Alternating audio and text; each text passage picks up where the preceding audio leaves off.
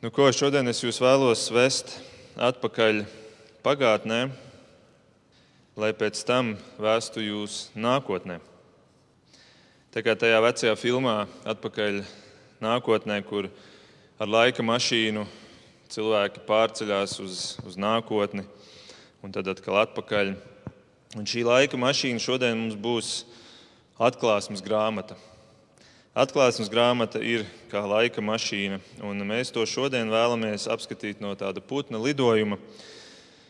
Tā ir ļoti aktuāla tēma arī šodien mūžības svētdienām, domājot par tiem, kuri ir nomiruši ticībā, bet arī mums varbūt vēl aktuālāka, jo mēs esam tie, kuri esam dzīvi un kuri dodamies pretī šiem laikiem.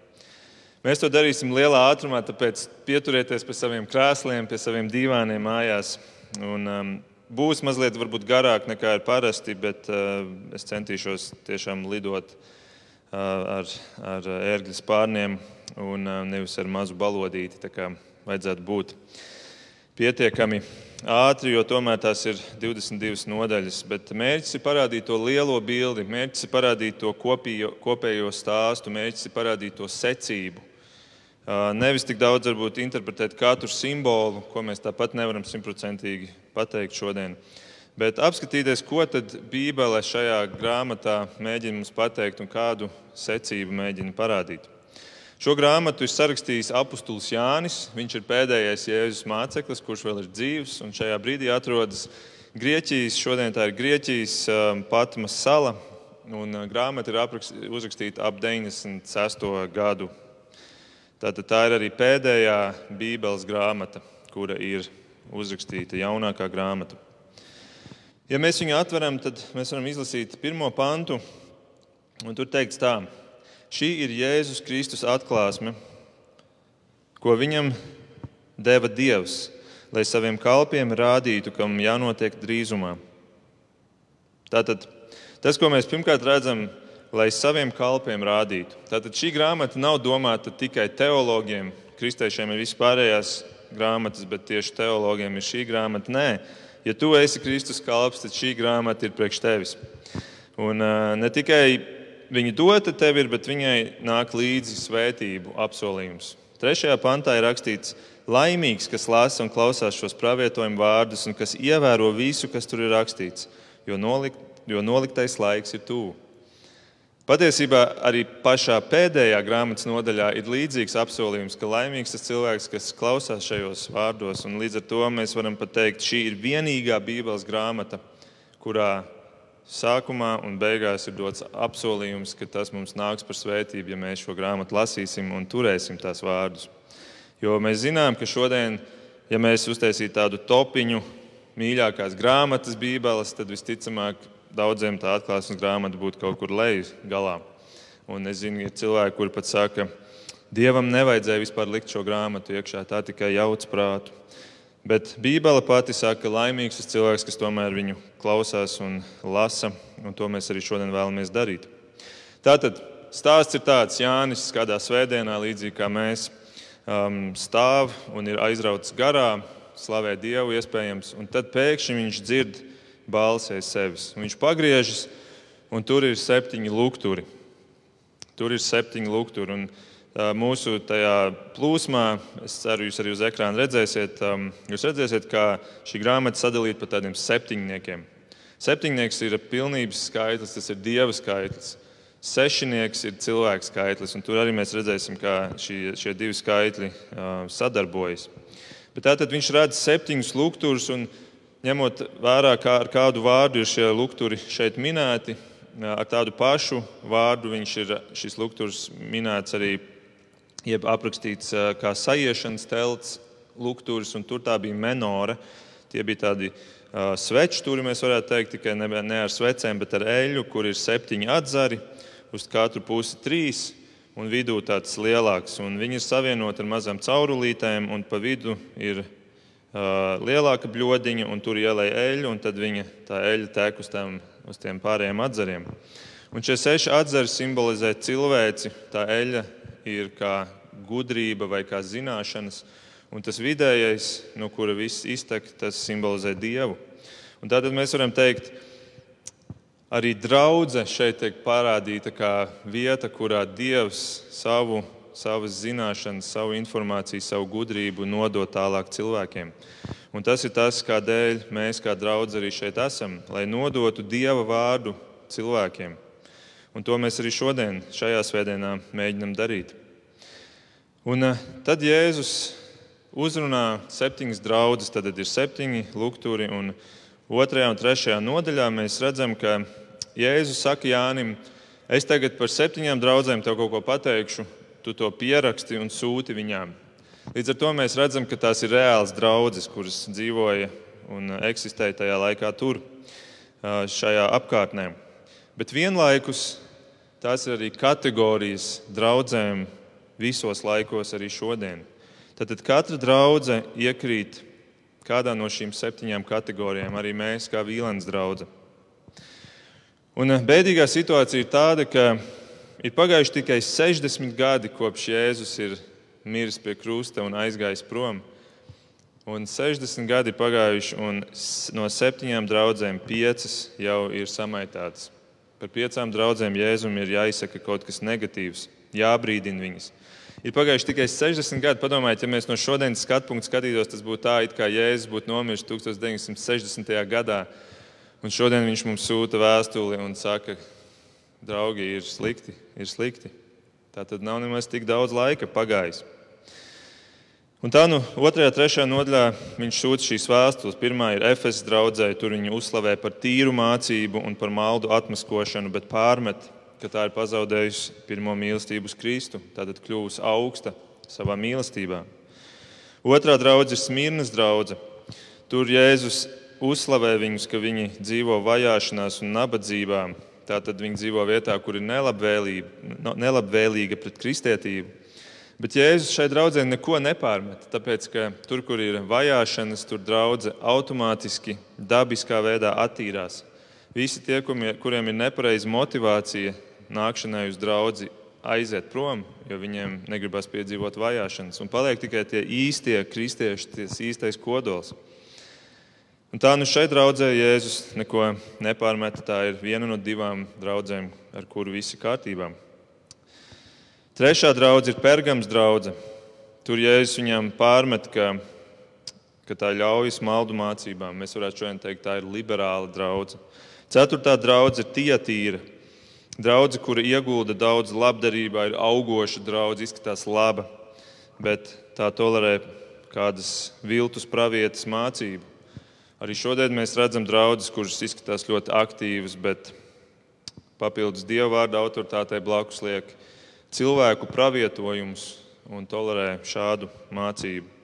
Piektā draudzene ir Sārdas draudzene. Un tur ir teikts, ka kaut arī tev ir laba reputācija, liels vārds, tomēr patiesībā tu esi mirusi. Tā tad beigta, mirusi draudzene, un Dievs viņu aicina, Jēzus aicina atgriezties pie Dieva. Sestā ir Filadelfijas draudzene. Un, uh, tur Jēzus uzslavē viņu, ka tu esi stipra ticībā, tu turies pie Dieva vārda. Un, uh, šī ir otrā draudzene, kurai Jēzum nekas slikts nav ko teikt. Un, ja Smirnas draudzene bija tā, kura vajāšanās ir, ir laba, tad šī Filadelfijas draudzene ir tāda, kura labos laikos ir uzslavējama un laba. Un, um, mūsu priekšzīme šodien dzīvojot šajos labajos laikos, kur mūs nevajā, um, fiziskā veidā. Šī Filadelfijas draudzene ir arī mums, kā Vīlens draugai, paraugs. Būt stipriem ticībā, turēties pie Dieva vārda. Un pēdējā septītā draudzene ir Laudikejas draudzene, un tā ir atskan visbargākais brīdinājums. Jēzus saka 3. nodaļas 15. un 16. pantā: Es zinu tavus darbus, ka tu neesi ne augsts, ne karsts.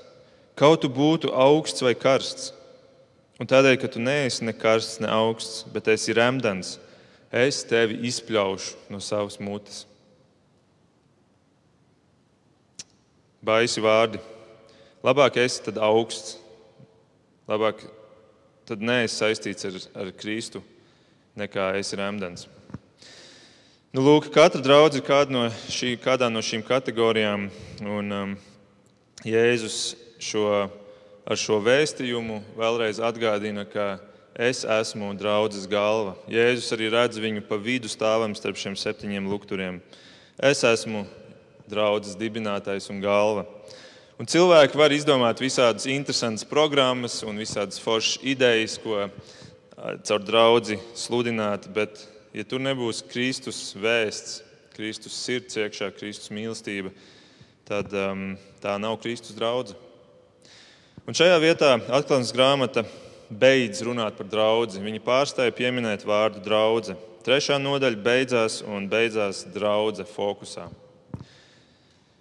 Tikai pašā pēdējā nodaļā atkal draudzene atgriezīsies, tiks pieminēta. Tāpēc es ticu, ka es piekrītu tiem arī teologiem, kuriem saka, ka starp trešo un ceturto nodaļu notiek paraušana debesīs. Draudzene tiek paņemta prom. Un viss, kas turpināsies tagad no 4. nodaļas, ir bez draudzes šeit uz zemes. 4. nodaļā mēs nonākam, un, un Jānis saka, pēc tam es ieraudzīju un redzu atvērtas durvis debesīs. Iedomājieties, tur redzat debesīs durvis, un viņas ir atvērtas vaļā. Wow! Un Jānis viņās tiek ierauts iekšā. Tad nu, mēs esam nonākuši no zemes, mēs esam nonākuši debesīs. Un ko Jānis tur redz? Viņš redz iespaidīgu troni, un uh, uz šī trona troņa sēž kāds, kuru Jānis nezina, kā citādāk aprakstīt, kā vien nosaucot visādus dārgakmeņus vienu pēc otra.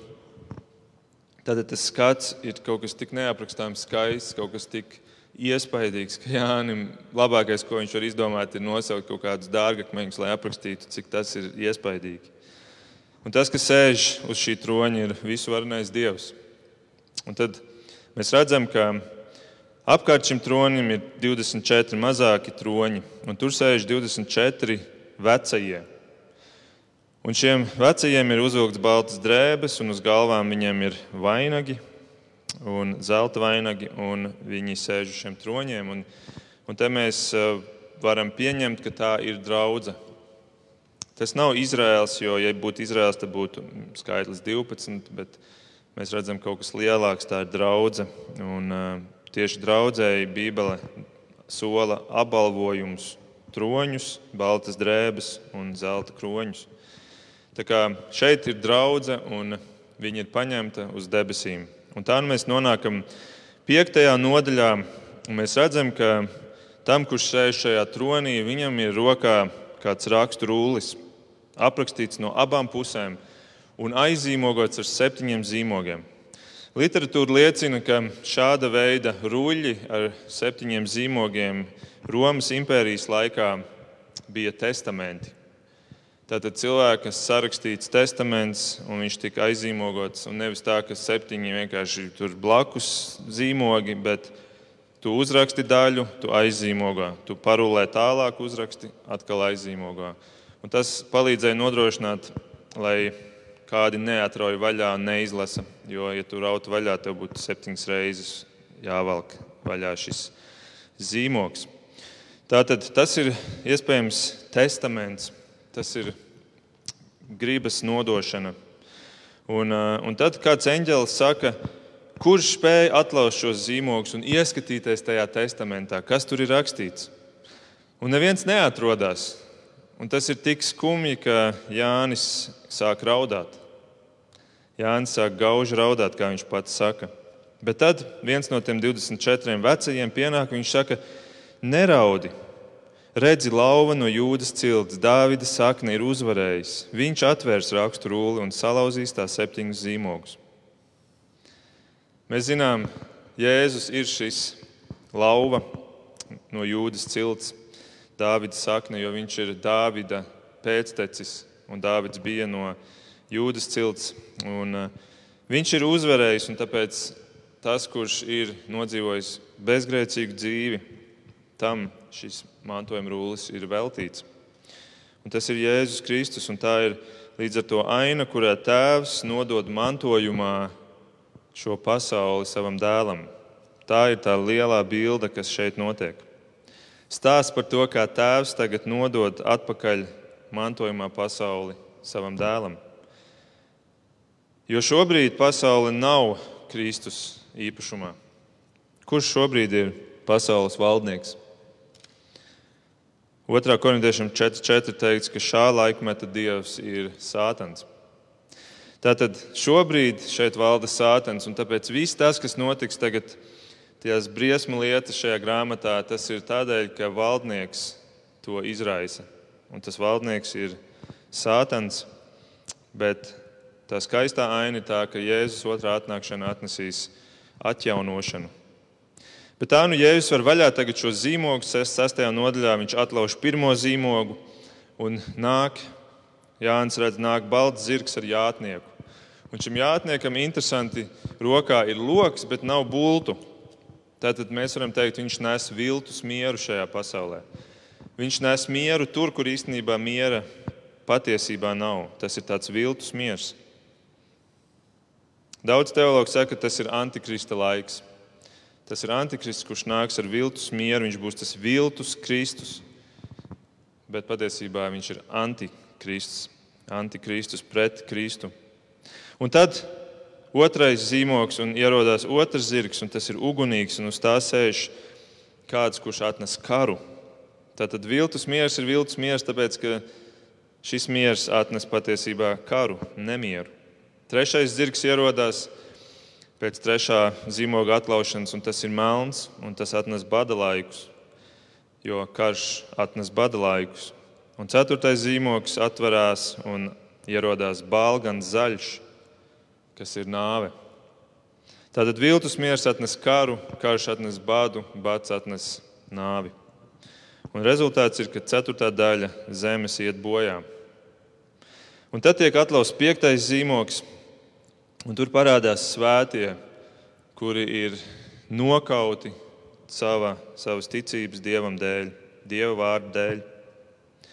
Kaut arī, kā jau minēju, draugi būs paņemti prom, tomēr cilvēki turpinās atgriezties, tāpēc ka Bībele, šī grāmata, šis Dieva vārds joprojām būs pieejams. Un caur to viņi atgriezīsies, un viņi būs tie, kuri Dieva vārda dēļ cietīs un ies bojā. Un tad sekos sastais zīmogs un sākās plaša mēroga dabas stihijas. Tik traki, ka pat tur rakstīts, ka pat ķēniņi un bagāti cilvēki panikā salien alās un kalnos un bailēs atzīst, Dieva dusmu dienas ir klāta. Nu, lūk, te mēs redzam, tāda, tā ir tāda secība, seši zīmogi bijuši. Un, um, un uh, visa šī lielā atklāsmes grāmatas secība ir šie septiņnieki. Jūs redzēsiet, pēc tam būs vēl daži septiņnieki. Bet tas, kas notiek, ir ik pa laikam tiek ielikt tādi starpkadri.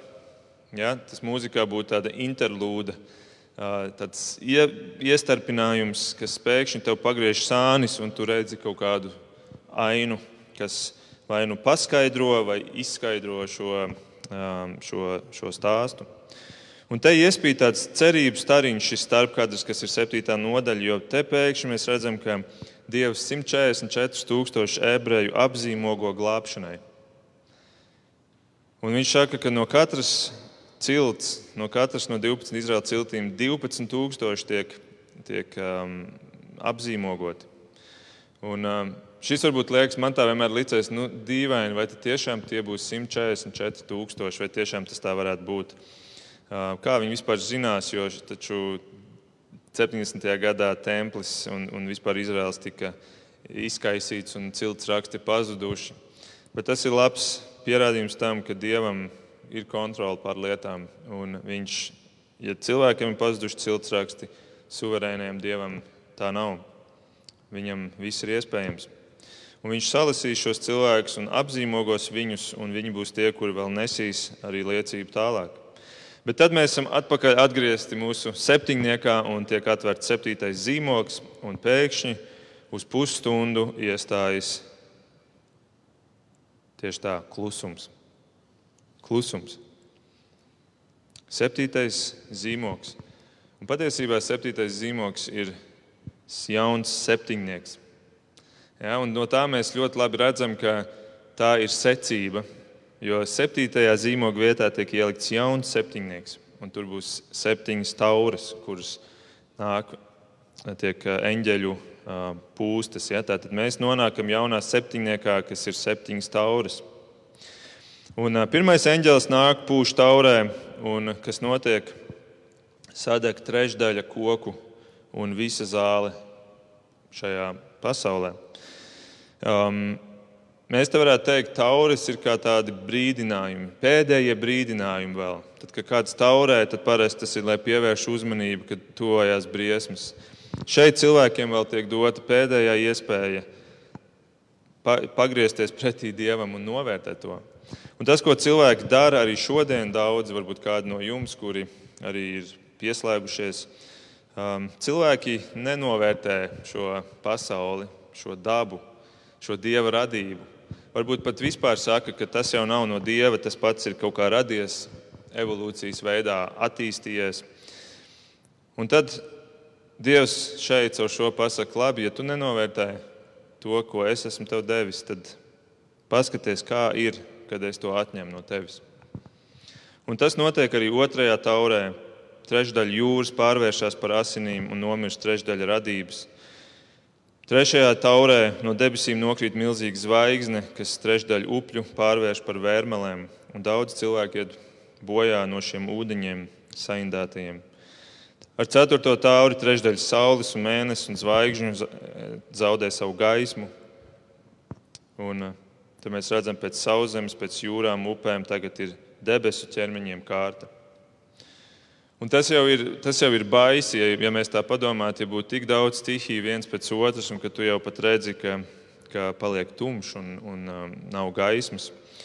Un, lai jau tā nebūtu traki, tad tas, ko Jānis šajā brīdī redz, viņš redz lidinās viens ērglis un skaļā balsī sauc: Vai, vai, vai zemes iedzīvotājiem, kad atskanēs vēl pārējo trīs eņģeļu tauru skaņas? Citiem vārdiem sakot, jums šis likās traki jau. Pagaidiet, kas sekos nākamajās trīs. Un tā nu pienāk devītā nodaļa, un tajā atskan piektā taura. Un piektā taura ir tiešām baisa, jo tiek atslēgtas bezdibens pazemes akas. Un no tām kā dūmi iznāk siseņi, kas izrādās ir dēmoni. Tātad papildus tiem dēmoniem, kuri jau šobrīd uzturas šeit virs zemes. Arī šodien viņi ir. Mēs Dieva, mēs dieva žēlastībā neredzam šo garu pasauli.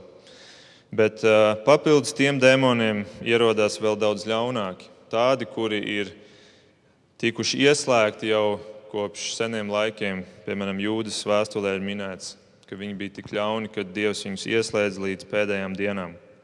Un šie dēmoni tiek izlaisti, palaisti brīvsolī, un Viņiem ir dota vara mocīt cilvēkus piecus mēnešus. Viņi nedrīkst viņus nogalināt, bet viņi drīkst viņus mocīt. Visus, tikai ne tos, kuriem ir šis dieva zīmogs uz pieres, tad šie 144,000 dieva apzīmogotie. Un tā nu cilvēki tiek mocīti, un viņi vēlās mirt, bet viņi nevar pat nomirt. Un tad atskan sestā, sestā taura, un nu tiek atbrīvoti Tur ir teikts 10 reizes 20 tūkstoši dēmoni, kas ir 200 miljoni. Un viņiem gan ir dota vara slepkavot, un viņi acīm redzot ieiet cilvēkos, jo šeit ir minēts kaut kas līdzīgs ieročiem, un tiek nogalināta trešdaļa cilvēku, iespējams, kādi atomu ieroči. Ko dara, divi, ko dara atlikušās divas trešdaļas cilvēku, kuri paliek dzīvi? 9. nodaļas pēdējos pantos mēs redzam, viņi pārējie cilvēki, kas netika nogalināti pēc šīm sērgām, nenožēloja grēkus un neatteicās no tā, ko bija darījuši savām rokām. Tie nepārstāja pielūgt dēmonus, elkus, kas nevar nec redzēt, nec dzirdēt, nec staigāt. Viņi neatteicās no savām slepkavībām, burvestībām, netiklībām un zādzībām. Tātad taurus viņiem nav palīdzējuši. Šie brīdinājumi, signāli viņiem nav palīdzējuši pievērsties Dievam. Un tad desmitajā nodaļā, pirms atskaņas septītā taura, atkal mums ir starpkadrs, mēs pagriežamies sānis. Un parādās eņģēlis ar mazu raksturu rullīti rokā. Tātad, salīdzinot ar to Jēzus testamenta rulli, šis bija kaut kāds maziņš. Un viņš iesaucās šis eņģelis varenā balsī, tik varenā, ka sāk septiņi pērkoni kaut ko runāt. Un Jānis uzreiz grib ņemt savu klādi un rakstīt, ko tie pērkoņi saka, lai nepalaistu garām, kad viņš dzird dievu balsi, kura saka, Jāni aizīmogo, ko runāja septiņi pērkoni, un nepieraksti to. Jo tas, lai paliek tam laikam, tad, kad cilvēki tiešām iestam cauri, kad pienāk šī realitāte. Tas paliek Dieva noslēpums, Dieva cenzūra. Un tad Jānim tiek pavēlēts paņemt šo mazo rullīti un viņu apēst. Un viņam tā garša mutē ir salda kā medus, bet vēderā kļūst rūkta. Tieši tāpat kā ir Jēzus otrā atnākšana. Salda kā medus tiem, kur viņi gaida, bet rūkta tiem, kuri tiks pārsteigti negaidot Kristu. 11. nodaļā ierodas divi īpaši personāži. Tas ir joprojām tas starpkadrs. Un laikā, kad šī atlikusī divu trešdaļu cilvēci grimst grēkā un noliedz Dievu un nolādē Dievu, ierodas šie divi liecinieki, Dievu sūtīti. Viņi ir, viņi ir fantastisks personāži, viņiem ir dotas iespaidīgas spējas Bet vis, vis, visticamāk, iespaidīgākā ir tā, ka, viņi varēja, ka viņiem nāca uguns no mutes. Un, uh, viņi liecina par Dievu dažādās vietās. Pasaulē tas ļoti nepatīk, un viņi mēģina viņus apturēt, novākt. Bet viņiem tas neizdodas. Katru reizi, kad viņi mēģina to izdarīt, tad kāds nokūp un uh, nevar apturēt šos divus lieciniekus. Un tā, nu, kad viņi ir beiguši savu liecināšanu, tad tomēr viņi tiek pieveikti. Un te ir rakstīts, ka viņi guļ Jeruzalemes ielās. Viņi tiek atstāti tur, viņi netiek ap, apbedīti, lai visa pasaule redz. Un tur ir teikts, ka visa pasaule redzēs. Tātad tur iespējams šodien, starp citu, to mēs varam saprast, jo mums ir internets un televīzija, un mēs varam redzēt visu pasauli vienlaicīgi kaut ko. Bet um, iespējams tur bija webkamera, kura tur rāda 24,7 šos uzvarētos divus lieciniekus. Un, uh, tur ir teikts, ka viņi pat dāvā viens otram dāvanas. Tātad līdzīgi kā Ziemassvētkos mēs dalām uh, Jēzus dzimšanas dienā, tad viņiem tur ir priecīgā divu liecinieku diena un dāvā viens otram dāvanas. Viņi tik priecīgi bija, ka šie liecinieki ir beidzot nomiruši. Bet tad, pēc trīs ap pus dienām, pēkšņi viņi pieceļās. Un, tagad, kā jūs teicāt, pirms webkameras viņus tur filmē, tad tas pasaulē ir milzīgs šoks. Visi ir šokēti.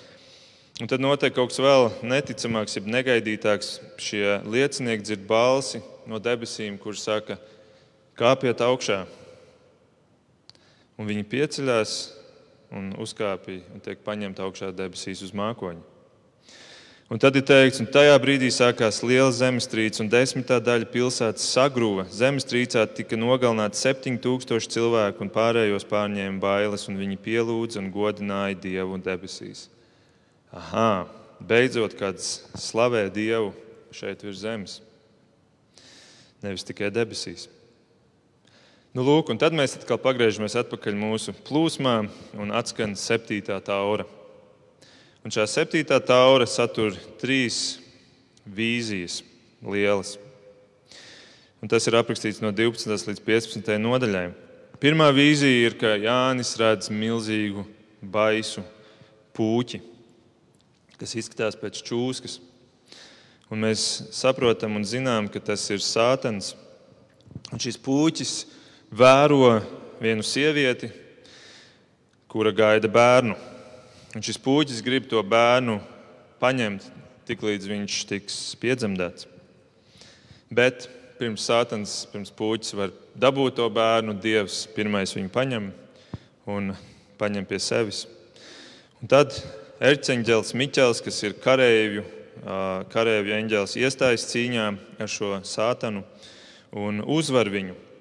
Un tā uzvara izraisa to, ka viņš tiek nomests zemē līdz ar visiem saviem dēmoniem no debesīm. Līdz tam Sātanam bija un arī šodien joprojām viņam ir pieeja pie Dieva debesīs. Viņš, to, ko viņš dara, un kas arī šeit atklāsmes grāmatā ir minēts, ka viņš apsūdz katru dienu mūsu kristiešus Dievu priekšā. Un, uh, mēs redzam arī Iebu stāstā, ka Sātanam bija pieeja dievam, lai, lai lūgtu no dieva kaut ko. Bet šie laiki nu ir beigušies, un uz zemes nomest šis puķis vēl mēģina to Kristu uzvarēt, to dēlu dabūt, bet viņam tas neizdodas. Un tādēļ viņš dusmās izlēma, nu labi, ja es nevaru dabūt Kristu, tad es vajāšu viņa sekotājus, kristiešus. Un kā viņš to plāno darīt? Tur ir teikts tā, viņš nostājās jūras malā. Un tur puķim stāvot, Jānis redz, pēkšņi no jūras izkāpj zvērs. Un puķis šo zvēru svētī, nodod visu varu šim zvēram. Un mēs lasām, šis zvērs ir ar desmit ragiem un septiņām galvām, un uz galvām ir rakstīti zaimu vārdi. Un mēs redzam, viena no galvām ir ievainota uz nāvi, bet kaut kādā brīnumainā veidā tiek dziedināta. Un iespējams šis zvērs ir kāda nācija, kāda valsts, kāda sistēma. Populārākais uzskats jau kopš reformācijas laikiem ir, ka, ka šī ievainotā galva ir Roma, Romas impērija, kura reiz sabruka, un tomēr viņa turpina dzīvot kā Vatikāns šodien, kā numur viens vara patiesībā pasaulē. Nevienai citai reliģijai nav savas valsts, atsevišķās valsts. Un tā nu Pūķis, jeb sātans, nodod savu varu šim zvēram, un visa zeme pielūdz un apbrīno šo zvēru. Un tad skan ļoti svarīgi, arī šodien svarīgi vārdi 13. nodaļā, 8. pantā. Tur ir teikts tā: Visi zemes iedzīvotāji pielūg šo zvēru, visi tie, kuru vārdu no pasaules radīšanas nav ierakstīti nokautā jēra dzīvības grāmatā. Tātad aina ir, ka visi pielūg šo zvēru, izņemot tie, kuru, kuru vārdi ir ierakstīti dzīvības grāmatā. Tātad pielūgšana,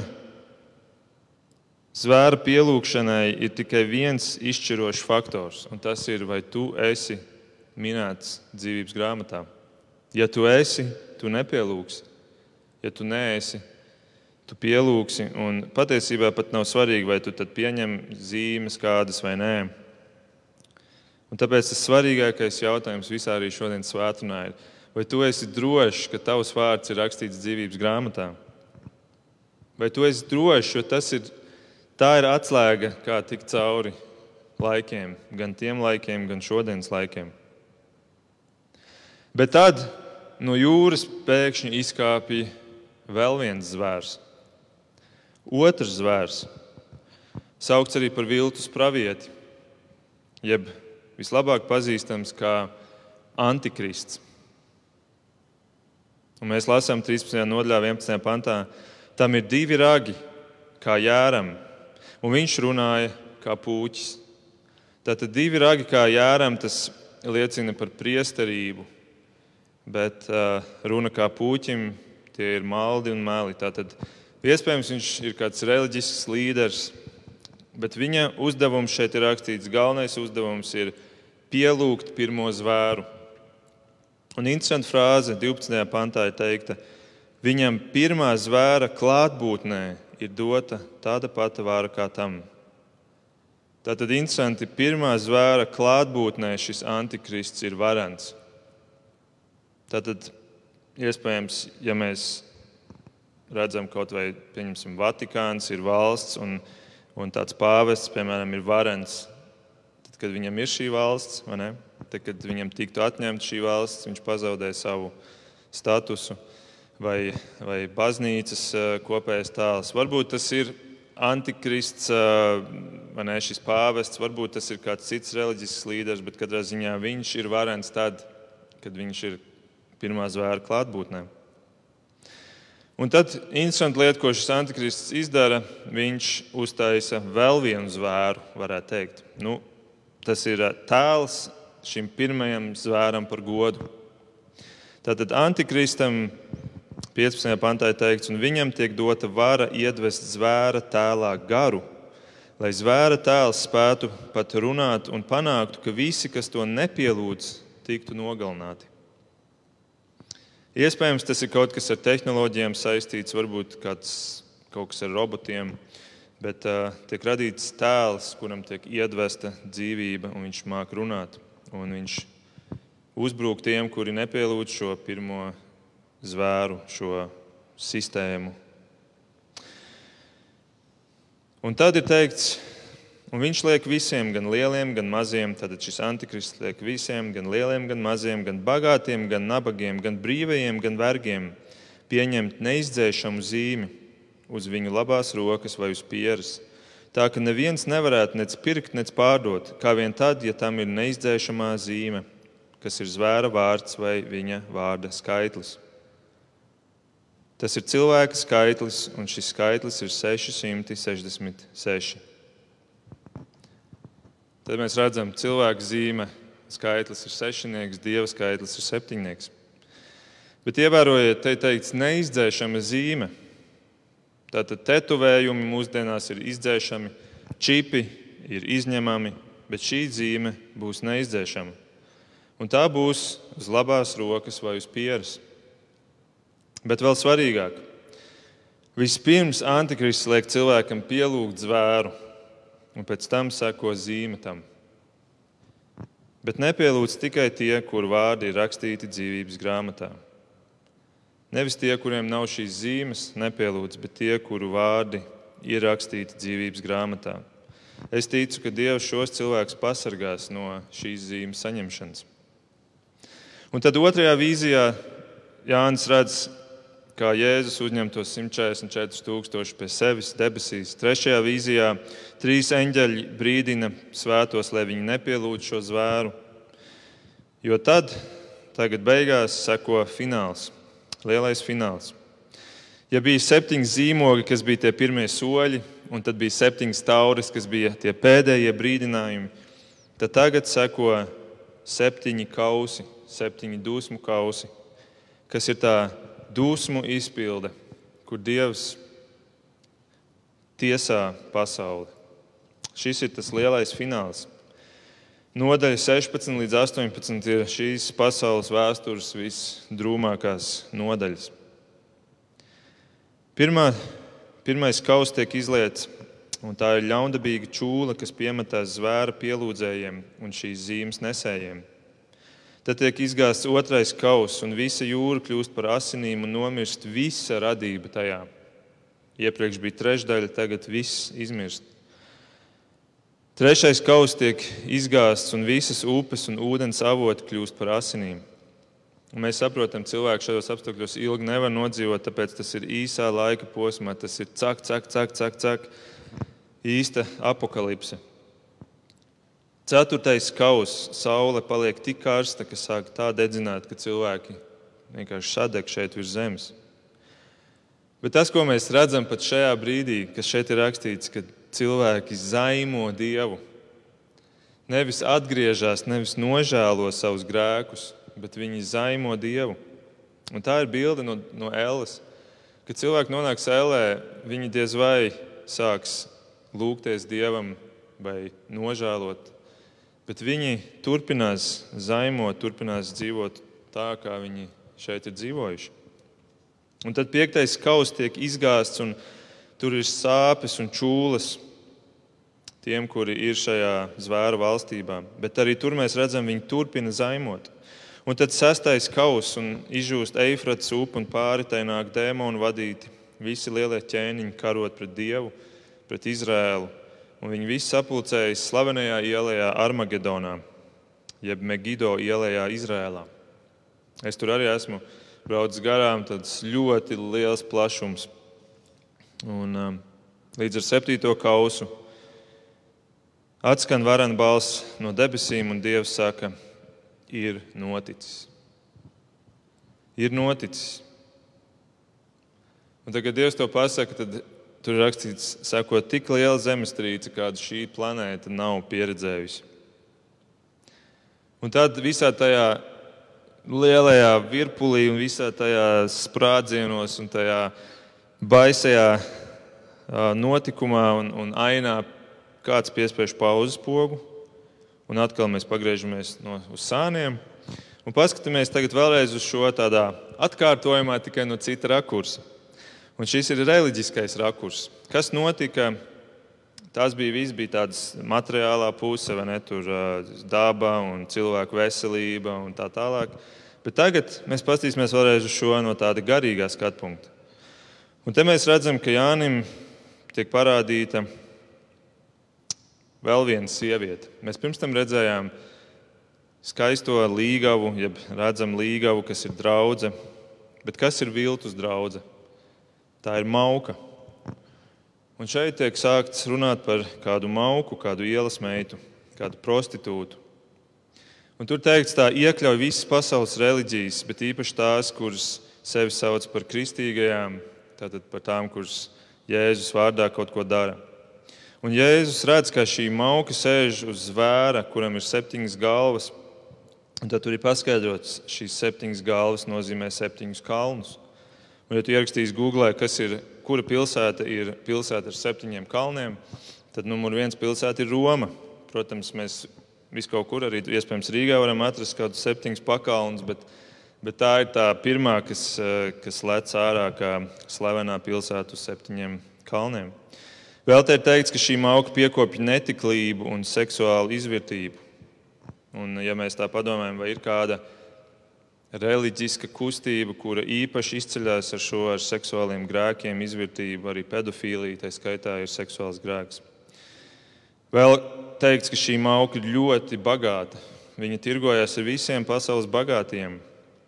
Arī šeit mēs varam uzdot šo jautājumu, ne? vai ir kāda, kura ir ļoti, nu, ka šī sistēma būs atpazīstama kā ļoti bagāta. Un vēl šī mauka dzēra asinis, kuras ir izlējuši daudzi Kristus mocekļi. Tātad, iespējams, mēs redzam, tas viss mazliet liek domāt, ka tā varbūt ir Roma, Katoļu baznīca, pāvests. Katrā ziņā šīs visas pazīmes izteikti rāda ar pirkstu uz turieni, bet nu, simtprocentīgi mēs to nevaram pateikt bet um, laiks rādīs. Un tad šī mauka mirst, viņa tiek saukta par lielo bābeli. Un ziniet, kā viņa mirst? Tam zvēram, uz kuru viņa jāja, vienā brīdī viņa vairs nav vajadzīga. Jo tie cilvēki, kuri caur baznīcu, caur reliģisko kustību bija jāpievilina, tie ir pievilināti, vairs nav vajadzīga. Un tur ir 17. nodaļā, 16. pantā teikts, un viņš atstās to kailu, viņas miesas apēdīs un viņu sadedzinās ugunī. Un kad visa pasaule šo ieraudzīja, un visi tie tirgotāji, kuri ir tirgojušies ar šo lielo mauku bābeli, viņi sāk vaimanāt, ekonomika sabrūk, neviens vairs neko nepērk, nevienam vairs nevajag mantas, kapitālisms sabrūk, un visa zeme raud. Visa zeme raud, tā ir tā aina, ar ko beidzās 18. nodaļa. Visi raud, viss ir slikti, nevienam vairs nekas nav vajadzīgs, viss ir ļoti slikti, visi raud. Bet kas notiek debesīs? 19. nodaļa. Visi dzied un gavilē. 19. nodaļa sākās ar vienu aleluja pēc otra. Jo atveras debesis, un tur nāk balts zirgs un jātnieks. Un šajā brīdī mēs no savas pauzes atgriežamies atpakaļ mūsu plūsmā. Un mēs redzam, ka tajā brīdī, kad viss ir slikti un šī pasaule, kādā mēs viņā dzīvojam, ar šo sistēmu sabrūk, tad nāk balts zirgs un jātnieks uz tā. Viņš ir tērpts asinīs slēcītā apmetnī, un viņu sauc Dieva vārds. Tur teikts, viņam seko debesu karapulks, tie tērpušies tīrā baltā smalka lina audumā, jāj uz baltiem zirgiem. Un uz viņa apmetņa un uz viņa gurniem ir rakstīts vārds - ķēniņu ķēniņš un kungu kungs. Kristus šeit atgūst savu pasauli. Un viņš sakauj zvēru un antikristu, un abi tiek iemesti mūžīgajā ellē mūžīgajā ellē, zvērs un antikrists. Un paliek vairs tikai viens ienaidnieks - sākotnējais.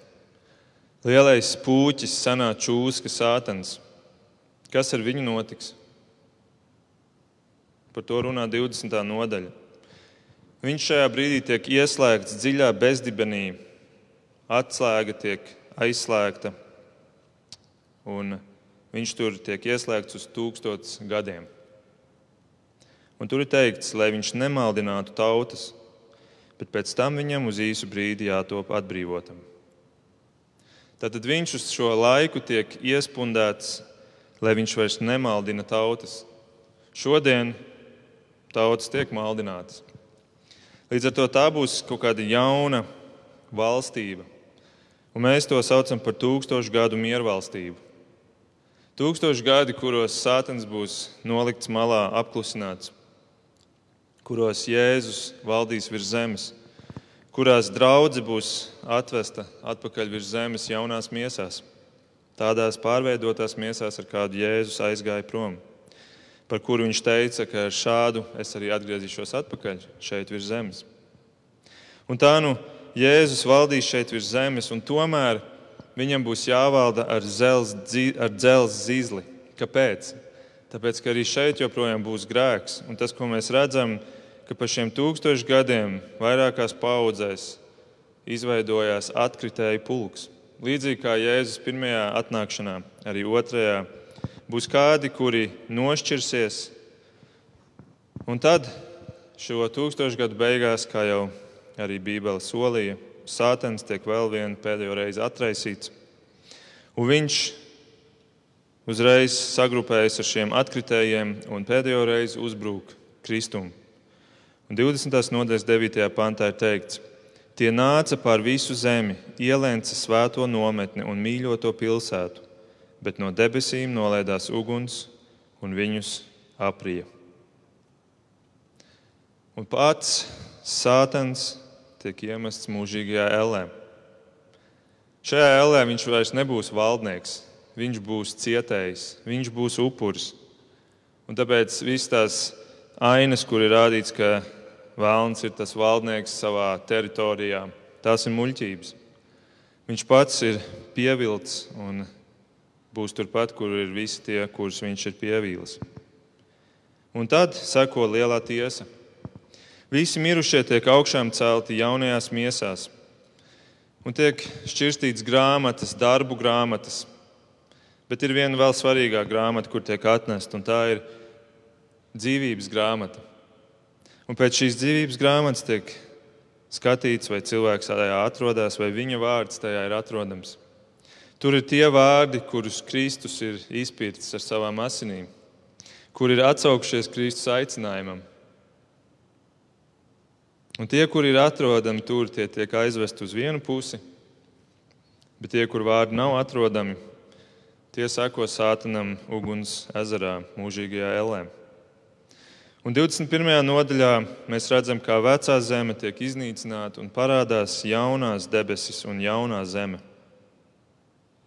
Un tad pie Jāņa pienāk kāds eņģēlis un saka: Skaties, es tev rādīšu līgavu, jēru sievu. Un ko viņš redz? Viņš redz jauno Jeruzalemi, viņš redz jaunu māju vietu, viņš redz tēva mājas. Tā ir tā skaistā Kristus līgava vieta, kurā visi būs kopā. Tur ir rakstīts, tur vairs nevajadzēs templi, jo Kristus būs templis. Tur vairs nevajadzēs sauli, jo Kristus būs pats saule. Un tie, kuri atcerās radīšanas stāstu, tie zina, ka otrajā dienā tika radīta gaisma, bet saule tika radīta tikai ceturtajā dienā. Un tie, kuri grib uzbrukt Bībelē, saka, redzi, kāda pretruna, kas ir padara Bībeli neusticamu. Bet nē, pirms saule tika radīta, bija Kristus gaisma. Un kad saule vairs nav pieejama, tad paliek Kristus gaisma. Viņš ir tas gaismas avots. Un tur ir teikts, tur vairs nebūs nekādu sāpju un skumju. Bet galvenais skaistums ir tas, ka tur ir teikts, Dievs būs ar viņiem. Beidzot, tajā pilnīgajā veidā, tajā veidā, kurā grēks vairs nespēja tevi maldināt un saduļķot tavu skatienu un padarīt tavu mīlestību pret viņu liekuļotu. Un es ticu, ka tas ir tas vislielākais piepildījums, Tas ir tas piepildījums, pēc kā katrs cilvēks dziļi sirdī kaut kur šodien tiecās un meklē to. Un meklē nepareizās vietās, un, un savā neziņā vai savā sirds apcietinātībā. Meklē citās vietās, bet šeit ir tā vieta, kur tu vari atrast to pilnīgo piepildījumu. Un tad ir pēdējā nodaļa klāta. Un te es vēlos tevi atvest atpakaļ no nākotnes uz tagadni ar laika mašīnu atpakaļ no nākotnes uz šo brīdi, šodien. Tev ir liela privilēģija, ka tu šodien vari būt dzīves, ka tu šobrīd dzirdi to, ko es tev saku, ka tu esi cilvēks, kuram vēl ir dots laiks. Tādēļ klausies Bībeles pašu pēdējo aicinājumu. Jēzus pēdējo aicinājumu, tad, kad viņš ir izklāstījis saviem kalpiem visu, ko viņš grib pateikt, kas notiks. Un ar to es vēlos arī noslēgt šodienas pārdomas. 20. 22. nodaļas, 12. pants un līdz galam. Jēzus saka, redzi, es nāku drīz, un mana alga līdz ar mani, lai katram samaksātu pēc viņa darbiem. Es esmu alfa un omega, pirmais un pēdējais, sākums un gals. Laimīgi tie, kas mazgā savus tērpus, lai viņiem būtu tiesības uz dzīvības koku un ļauts pa vārtiem ieiet tajā pilsētā. Ārpus pilsētas paliks suņi, burvji un netikļi, slepkavas un elku pielūdzēji, un ik viens, kas mīl melus un ir melīgs. Es, Jēzu, sūtīju savu eņģeli liecināt jums draudzēs par šo visu. Es esmu Dāvida sakne un dzimums, mirdzošā rīta zvaigzne.